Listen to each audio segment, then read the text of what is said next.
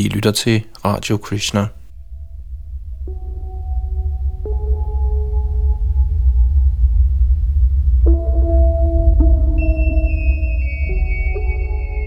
I det kommende skal vi høre om mystiske evner og fjernhypnose, set fra en videnskabelig og i særdeleshed kristnerbevidst videnskabelig vinkel. Det er vores videnskabsmand over fra Amerika, Sadaputa Das, der oprindeligt har skrevet det her, som vi har oversat til dansk. For oplæsning, redigering og teknik står Yadunandandas. Das.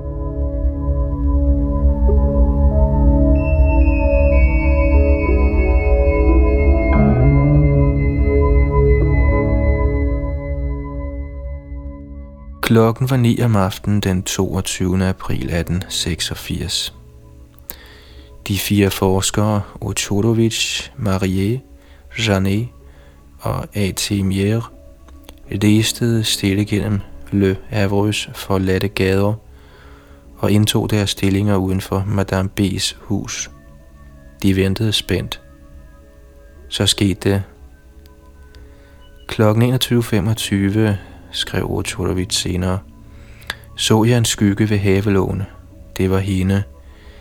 Jeg gemte mig bag hjørnet for at kunne høre, uden at blive opdaget.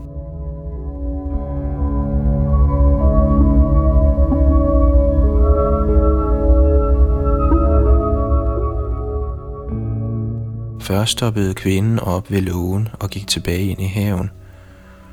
Så kl. 21.30 skyndte hun sig ud på gaden og begyndte vaklende at gå hen imod Dr. Chiberts hus. De fire forskere fulgte efter så forsigtigt de kunne. De kunne se, at hun tydeligvis var i en søvngængeragtig tilstand. Endelig nåede hun frem til Dr. Chiberts hus, gik ind og skyndte sig fra værelse til værelse, indtil hun fandt ham –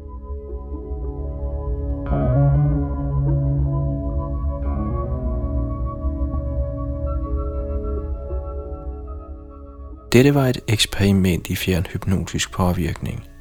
Madame B, en person, der var let at hypnotisere, var genstand for mange eksperimenter udført af professor Pierre Janet og Dr. Chibert, en fremtrædende fysiker i Le Havre. I disse undersøgelser tilsluttede sig desuden F.W.H. Mier fra Samfundet for Psykisk Forskning, fysikeren A.T. Mier professor Ochorovic fra Universitetet i Lvov, samt M. Marie fra Fransk Psykologisk Samfund. Ved denne lejlighed var planen, at Dr. Schibert blev på sit arbejdsværelse, og han ved tankens kraft ville prøve at fortælle Madame B., at hun skulle forlade sit hus og komme over til ham. Hendes hus lå omkring en kilometer fra hans, og hverken Madame B. eller nogen af dem, der boede sammen med hende, var blevet fortalt, at eksperimentet ville finde sted. Gilbert begyndte at udsende sine mentale ordre kl. 20.55, og inden for en halv time begyndte hun sin gåtur til hans hus. Efter W.H. Mier skrev, at ud af 25 lignende forsøg var de 19 af dem lige så vellykkede.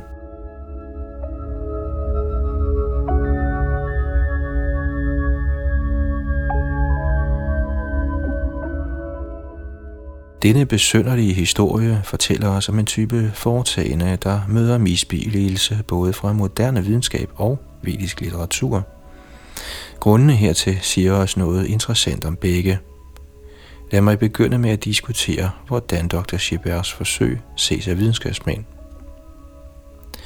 Vi hører ikke ret meget om folk, der er i stand til at påvirke andre på afstand gennem mentale befalinger.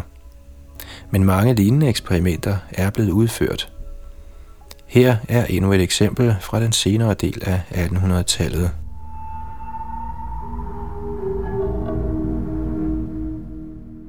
En Dr. Dufay brugte hypnose til at behandle Madame C's periodiske hovedpine og kvalme, noget hun ikke havde kunnet behandle med almindelig medicin. Han fandt ud af, at han kunne få hende til at sove og vågne med mentale befalinger under tiden på afstand. Ved et tilfælde da han var blevet kaldt uden bys, bad han Madame C's mand sende et telegram, hvis hun fik hovedpine, og derefter rapportere eventuelle senere udviklinger med et andet telegram. En morgen kl. 10 modtog han et telegram, der fortalte, at hun havde fået hovedpine. Så han beordrede mentalt, at hun skulle sove, og kl. 16 befalede han, at hun skulle vågne. Manden telegraferede, at hun var faldet i søvn kl. 10 og var vågnet kl. 16. Afstanden mellem Dr. Dufay og Madame C. var 112 kilometer.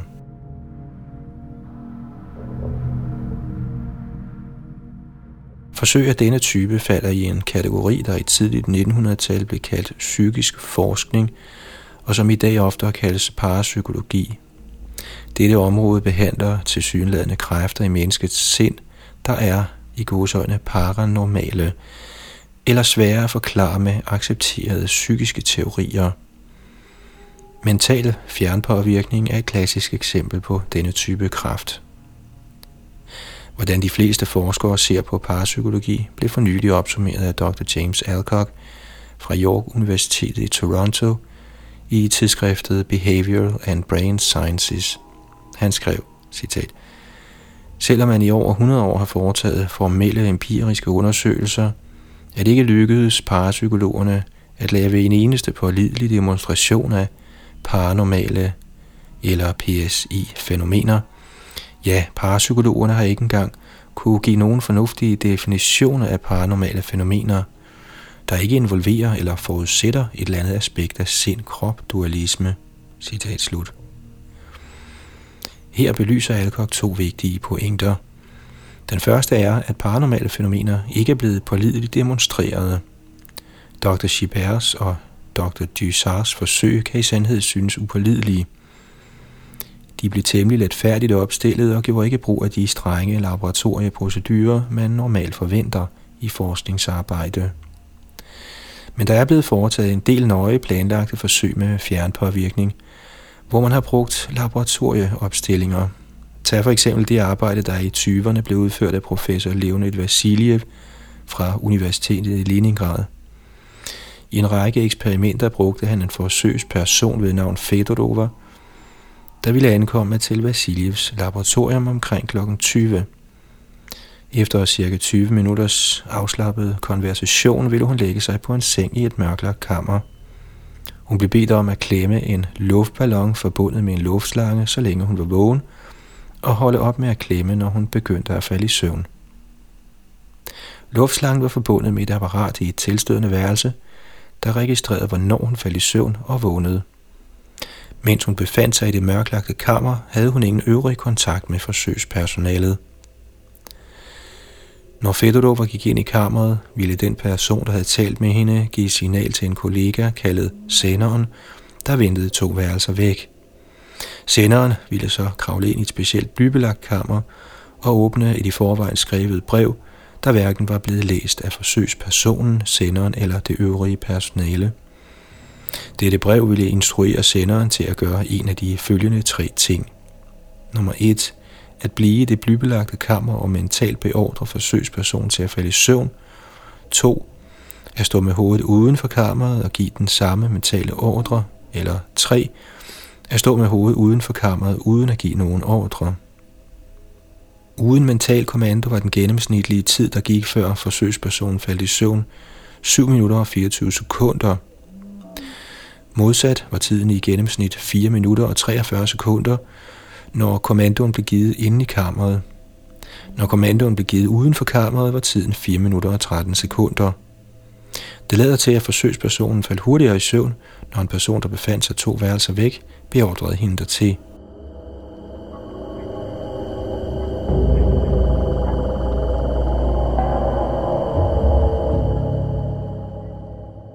Vasiljev lavede mange andre nøje tilrettelagte eksperimenter af denne type og rapporterede lignende resultater. I et vellykket forsøg brugte han mentale kommandoer for søvn og opvågning, der blev udsendt fra Sebastopol til Leningrad, en afstand på 1700 km.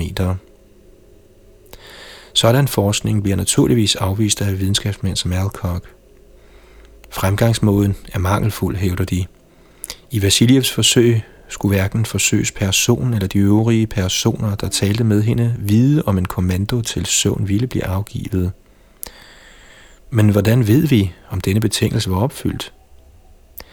Den forsker, der talte med forsøgspersonen, kan have kendt brevets indhold og påvirket forsøgspersonen enten forsætligt eller uforvarende. Dette kan have påvirket, hvor hurtigt forsøgspersonen faldt i søvn, eller også kunne forsøgspersonen have snydt ved at foregive at have døset hurtigere hen, når søvnkommandoen blev afgivet. Mange videnskabsmænd vil insistere på, at resultater som Vasiljevs skal forkastes med mindre arbejdet er fuldstændig vandsæt over for bedrageri. Alligevel accepteres mange eksperimenter, hvor man har været mindre varsom over for snyd. Hvorfor forlange en strengere standard for parapsykologi? Her kommer vi til Alcocks anden pointe, at paranormale fænomener forudsætter en eller anden slags sind-krop-dualisme.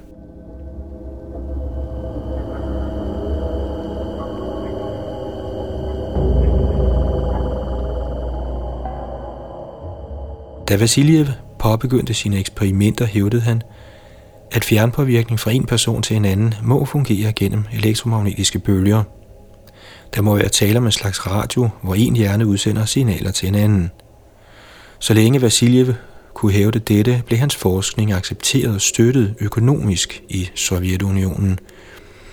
Men hans forskningsresultater udelukkede hurtigt radiohypotesen – med forsøgspersonen Fedorova var for eksempel gennemsnitstiden, før hun faldt i søvn, den samme, uanset om de mentale kommandoer blev udsendt indenfra eller udenfor det blybelagte kammer. Kammeret var konstrueret til at blokere for radiobølger, men havde til synligheden ingen bremsende effekt på mentale signaler. Disse og andre resultater overbeviste Vasiljev om, at ingen kendte former for strålingsenergi var indblandet i overføring af mentale kommandoer. Men så snart dette blev kendt, blev støtten til Vasiljevs arbejde stoppet, og mental fjernpåvirkning blev officielt fordømt i Sovjetunionen som, citat, en samfundsfjendtlig, idealistisk fantasi om menneskets overnaturlige evner til at opfatte fænomener, der, når man tager tiden og sted i betragtning, ikke kan erfares. Citat slut. Også her i Vesten afviser forskere den idé, at sindet kan gøre ting, der bryder imod de kendte fysiklove. For dem må sådanne fænomener være mirakler, og i den henseende følger de filosofen David Hume, der har sagt, citat, Intet vidnesbyrd er tilstrækkeligt til at stadfæste et mirakel, med mindre vidnesbyrdet er af en sådan art, at dets modsætning ville være mere mirakuløst end den kendskærning, det prøver at stadfæste. Citat slut. Da der intet mirakuløst er ved bedrag, foretrækker videnskabsfolk stadig det som et passende svar på afvigende parapsykologiske data.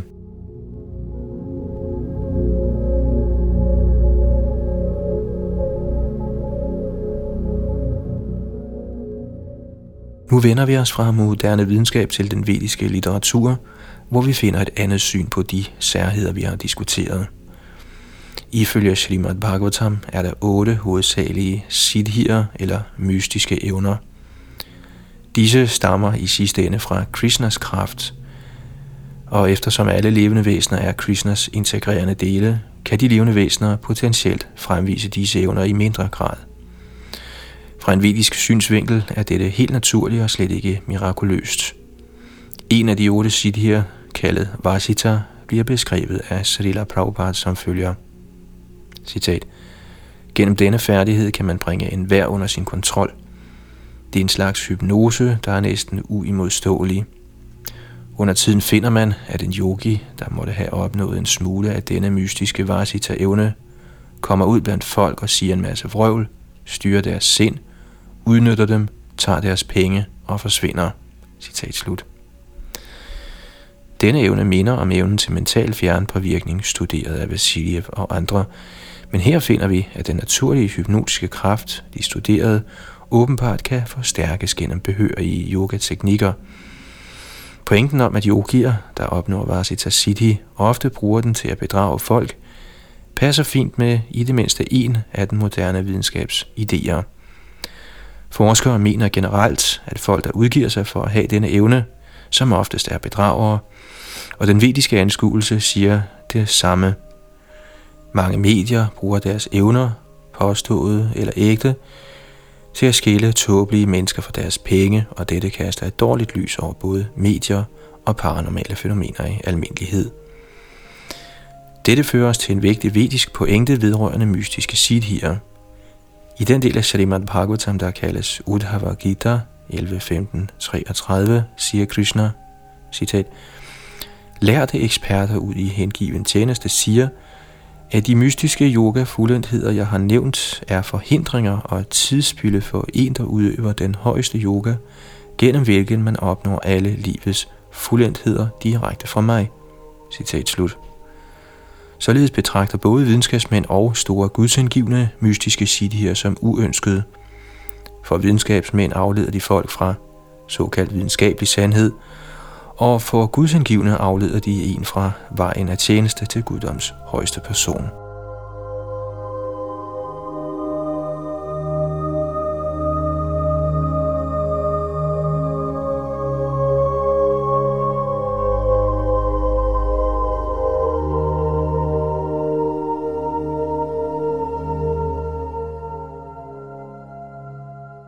Det sagde altså Sada Das i denne her tekst om mystiske evner og fjern hypnose her oversat og oplæst af Yadunandan Das. Sadaputta kan findes på nettet. Han er linket fra vores hjemmeside www.krishna.dk under links.